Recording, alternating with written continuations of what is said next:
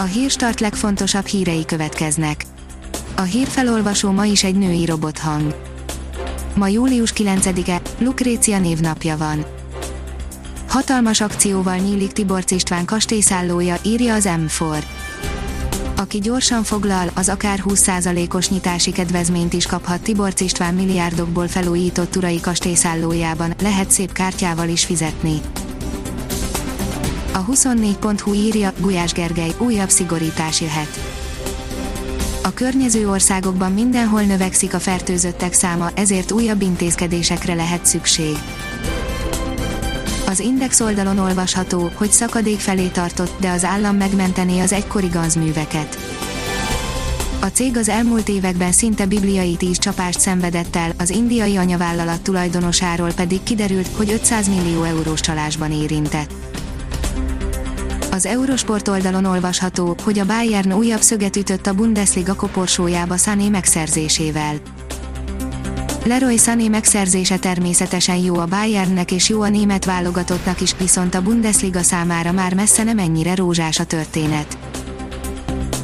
A Hír TV oldalon olvasható, hogy összecsapások a szerb parlamentnél. Ismét tüntettek Belgrádban, amiért a kormány a hétvégén újból bevezetné a kiárási tilalmat a koronavírus miatt. A pénzcentrum írja, ez nagyot fog durranni, alapjaiban változhat meg minden a magyar rendelőkben. A digitalizáció és az adatalapú szolgáltatások tömeges megjelenése két évtizeden belül alapjaiban változtatja meg az egészségügy működését, a páciensekből fogyasztók lesznek, akik proaktívan viszonyulnak saját egészségügyi állapotukhoz.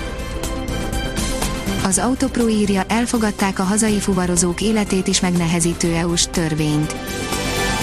Az EP elfogadta a nemzetközi szállítást végző járművezetők kiküldetésére vonatkozó új szabályokat.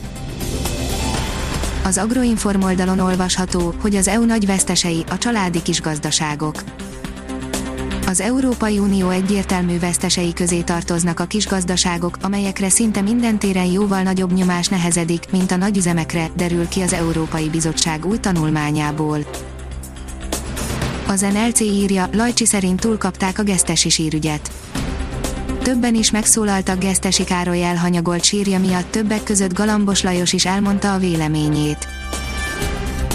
Az Eurosport oldalon olvasható, hogy az Arzenál új vezetőedzője csak azokra számít, akik elkötelezettek a klub iránt. Pep Guardiola mellett tanulta meg, mennyire fontos, hogy mindenki egy irányba húzzon. Hosszabb időre véget vet a 30 fok feletti kánikulának a következő hidegfront, írja a kiderül.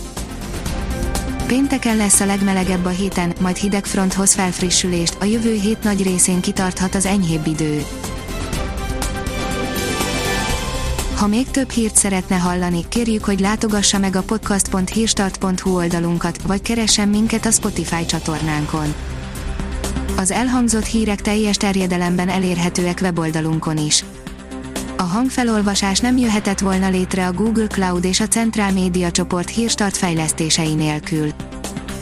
A hírstart kísérleti adását hallotta, a technológiánkat folyamatosan fejlesztjük. Ha tetszett a hírblokkunk, kérjük, hogy ossza meg ismerőseivel, vagy értékelje közösségi csatornáinkon. Visszajelzése fontos számunkra. Köszönjük, hogy minket hallgatott!